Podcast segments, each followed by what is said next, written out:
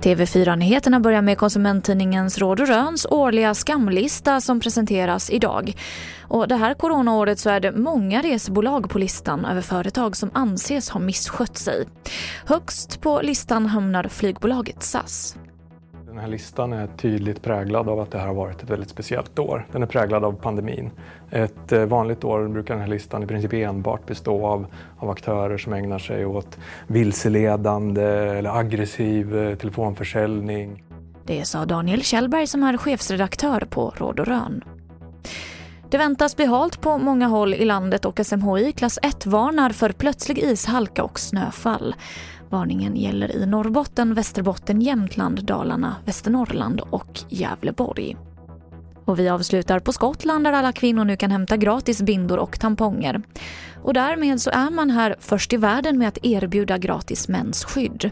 Satsningen beräknas kosta skattebetalarna 24 miljoner pund. Och det här motsvarar närmare en kvarts miljard svenska kronor om året. Och det var det senaste från TV4 Nyheterna. Jag heter Emily Olsson.